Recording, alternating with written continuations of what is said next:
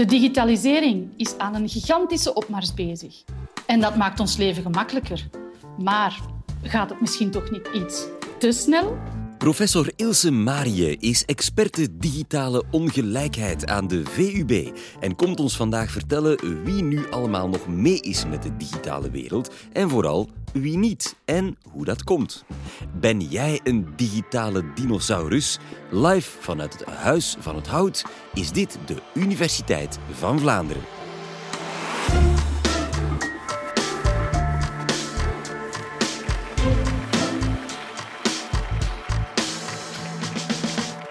We daten via Tinder, we communiceren met onze familie via WhatsApp, we krijgen onze facturen binnen via Dokkel, we kijken naar Netflix, we kijken televisie via online platformen.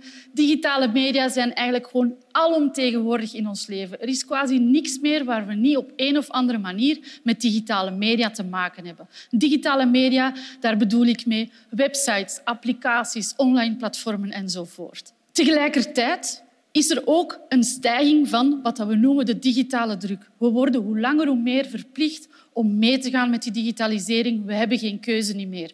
Bankfilialen worden gesloten. Je studietoelagen kan je enkel nog online aanvragen. We hebben hoe langer hoe minder keus om niet digitaal te zijn of niet digitaal te gaan. Eh, corona heeft die digitalisering alleen nog maar versneld en versterkt. We hebben gezien, we zijn allemaal massaal naar afstandsleren geweest, gegaan. We zijn allemaal massaal naar online vergaderingen gegaan. Maar je beseft al heel snel, en ik denk dat iedereen dat wel heeft gezien tijdens de coronacrisis, dat die move naar die digitalisering ook gepaard gaat met problemen. Er zijn mensen die niet mee kunnen, er zijn mensen die niet digitaal vaardig zijn enzovoort. Maar hoe zit dat nu juist? Wie is er nu wel mee en wie is er nu niet mee? Klopt het dat enkel de senioren vandaag niet meer mee zijn? Klopt het dat jongeren die eigenlijk quasi met een smartphone in hun hand zijn geboren, volledig mee zijn met dat digitale kennen en kunnen? Of is het hè, misschien net ietsje complexer en lopen we allemaal vroeg of laat het risico om een digitale dinosaurus te worden? Ik doe zelf vandaag al 15 jaar onderzoek naar twee zaken. Eén, wie is er mee in dat digitale verhaal en wie niet? En twee, wat moeten we daaraan doen om te zorgen dat we iedereen meekrijgen in dat digitale verhaal? En ik neem jullie heel graag mee in mijn verhaal daarover.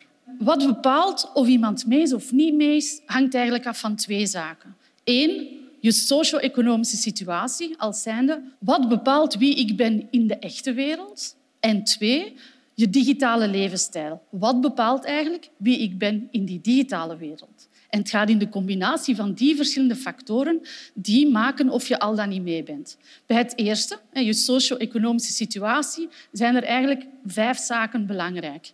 Je inkomen, je opleidingsniveau, je maatschappelijke participatie, je agency en je welbevinden.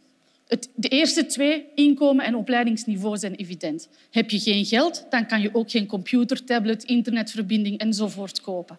Um, bij opleidingsniveau, als je laaggeletterd bent, dan heb je sowieso veel meer problemen in het lezen, verwerken van informatie op internet, op websites, op applicaties enzovoort. Het is niet voor niks dat middenveldorganisaties al jaren zeggen er moet klare taal zijn. Online moet klare taal zijn. Overheidscommunicatie moet klare taal zijn, moet toegankelijk, moet begrijpelijk zijn voor iedereen.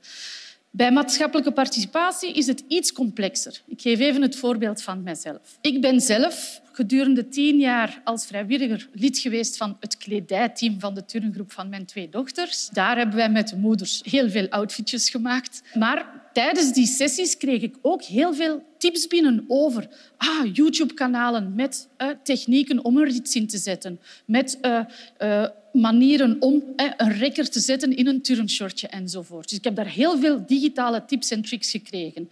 Daarnaast was ik ook bestuurslid van FERM, vroeger de KVLV.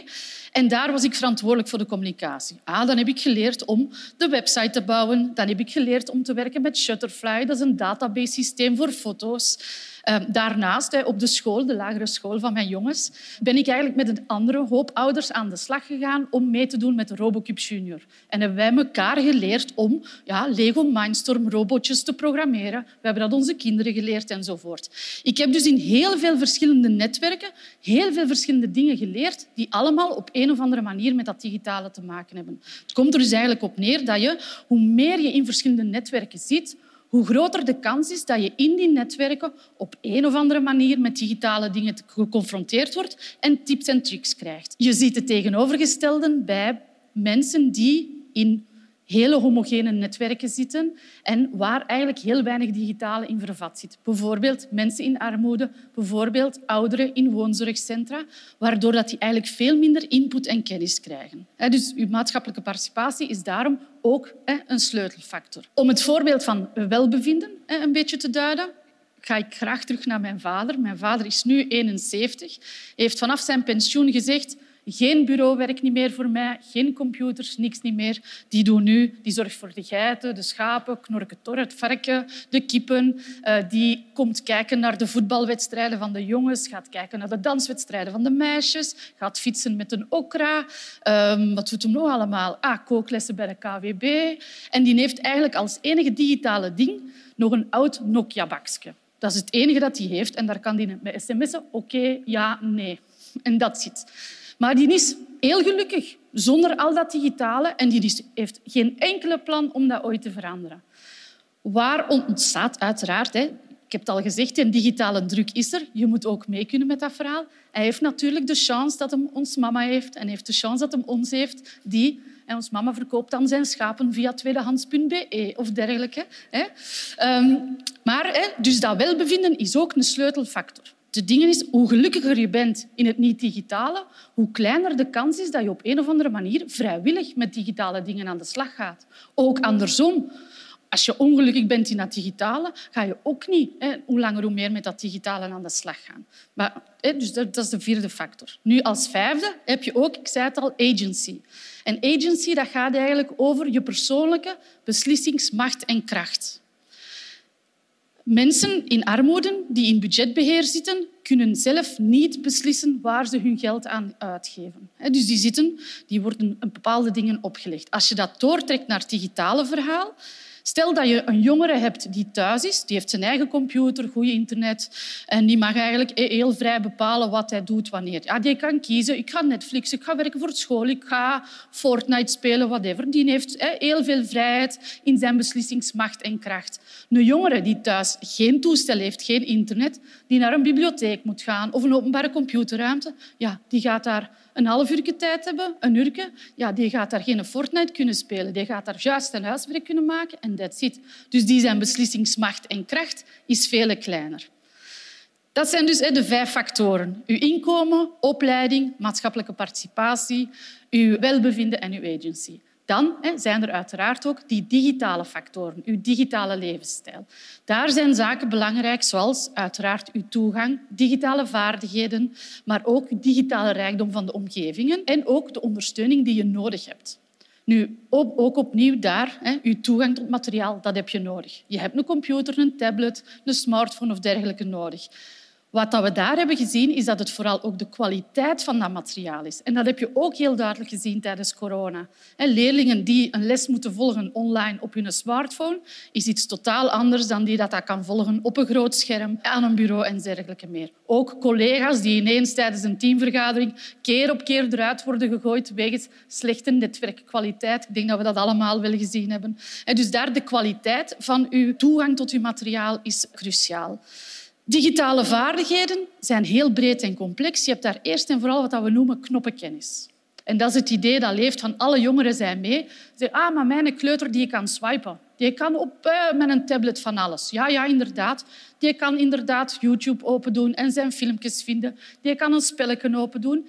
Maar die kleuter heeft geen idee van de gevaren van bijvoorbeeld het delen van uw locatie op die tablet. Die heeft geen idee van eh, de risico's die verbonden zijn aan zo betaalsystemen die in spelletjes verborgen zitten en dergelijke meer. Je hebt dus ook nog een hele reeks ja, veel meer kritische vaardigheden nodig. Het kunnen verwerken van informatie. En wie van jullie weet bijvoorbeeld op TikTok het onderscheid te maken tussen ja, wat is fake news, wat is propaganda, wat is nu echt het beeldmateriaal van de oorlog Ginder. Dat onderscheid maken vraagt een hele totaal andere type vaardigheden. Het gaat bijvoorbeeld ook over hoe dat je strategisch een voordeel kan halen uit dat gebruik. Waar zit het nut van dat internet of van die applicaties of die, voor mij in? Wisten jullie bijvoorbeeld dat als je een vlucht boekt, een, vlucht, een vliegtuigreis, dat je dat eigenlijk best doet met twee toestellen? Op één toestel begin je te zoeken en door je cookies gaat je prijs gewoon gestaag omhoog. Je zoekt totdat je de juiste vlucht hebt gevonden, de juiste maatschappij. En dan bestel je je ticket op je tweede toestel met één search. En dan ga je veel goedkoper af zijn dan dat je gewoon blijft zoeken en doordoen. Dus met digitale vaardigheden in die gehele complexiteit. Dan heeft het ook te maken met ja, de, de, de, wat wij noemen de digitale rijkdom van de omgevingen waarin dat je beweegt. Stel, je werkt op een hoogtechnologisch bedrijf dat AI-oplossingen maakt. Of je werkt als leerkracht op een iPad-school.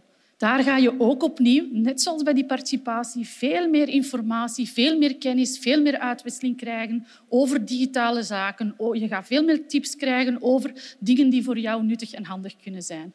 Iemand die voor de groendienst werkt, iemand die als poetsvrouw werkt, die krijgen op hun werk quasi niks te maken met digitale tools en krijgen daardoor ook veel minder digitale input, veel minder opportuniteiten om opleidingen te volgen enzovoort. En wat zie je dan? Ah, dan, dan wordt je thuisomgeving belangrijk. En daar zie je ook opnieuw die verschillen. Als jij opgroeit in een huishouden waar ieder kind of ieder lid een eigen computer, een smartphone, misschien zelfs een tablet heeft, tegenover als je opgroeit in een huishouden waar één iemand een toestel heeft, dat is een totaal ander verhaal qua input, qua ondersteuning die je krijgt. En dat brengt ons eigenlijk bij het laatste luikje van dat digitale, is je ondersteuningsverhaal.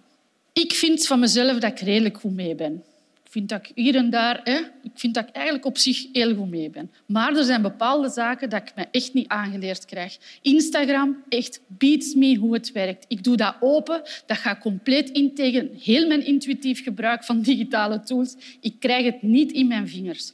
Maar wat ik wel weet, is dat ik heel goed... Ik kan bij mijn dochter terecht, 20, een topper op Instagram, en die helpt mij graag.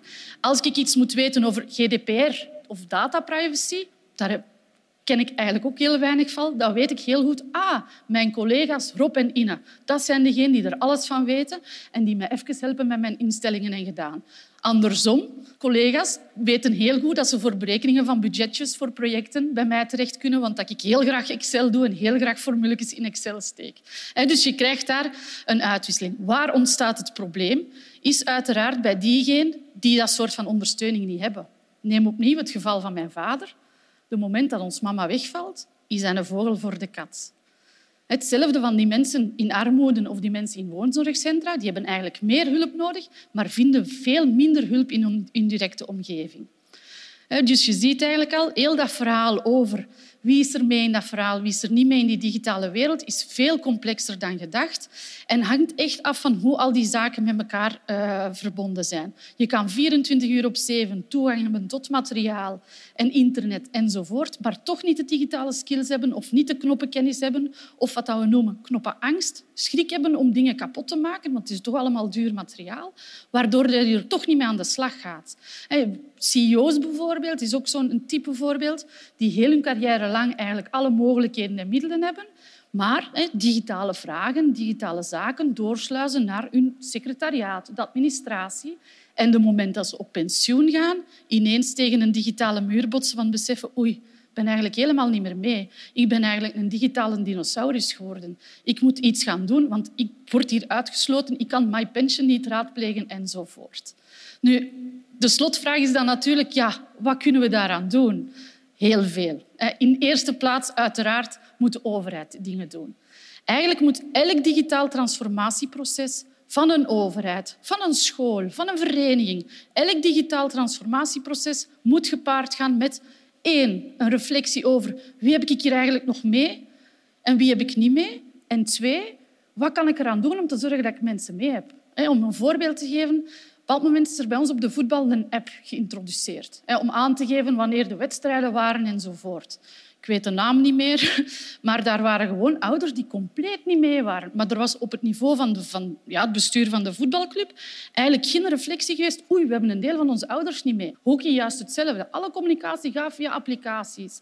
Maar dan moet je ook zien, hebben we alle ouders mee? Op het moment dat ouders afhaken, moet je de reflex maken. Waarom haken die ouders af? Smart school, hetzelfde verhaal. Hè? Dus elk proces moet eigenlijk gepaard gaan met die reflectie. En dan over wat, dat, wat dat je kan doen. Er zijn al heel veel initiatieven in Vlaanderen. Ik raad jullie absoluut aan om eens te gaan kijken op www.einclusie.be. Daar vind je enorm veel informatie. Maar er zijn ook, tot slot, dingen die je zelf kan doen. En dat is één, zelf hulp durven vragen. We lopen allemaal wel eens tegen die digitale muur aan. Eigenlijk moet hulpvragen of digitale hulpvragen zo normaal worden als melk gaan halen bij de buren op zondag als de winkel toe is en je bent pannenkoeken aan het bakken. Eigenlijk moet dat hetzelfde worden. En dan twee, word zelf ook wat wij noemen een digibuddy. Iemand die iemand anders helpt. Je moet echt geen IT'er zijn om eens even iemand te helpen. Dikwijls kun je het samen zelf veel gemakkelijker uitzoeken. En dat is hetgeen waar ik het hiermee wil afsluiten vandaag. Dus gewoon durf hulp vragen en durf hulp geven. Dankjewel Ilse Marie. Voor al mijn Excel-opdrachten kom ik vanaf nu naar jou voor advies. En als je graag een Instagram-profiel wil aanmaken, beste luisteraar, dan wil ik jouw digitale buddy wel zijn. Vond je deze aflevering wijs en ben je geen digitale dinosaurus? Like en deel deze podcast dan en breng de wetenschap dichter bij iedereen. Dit was een college voor Media Wijs, die jou wegwijs willen maken in de digitale wereld. We bedanken natuurlijk ook nog graag onze andere partners. VRT, de vijf universiteiten en de Jonge Academie. Zonder hen geen Universiteit van Vlaanderen. Heel graag tot een volgende keer.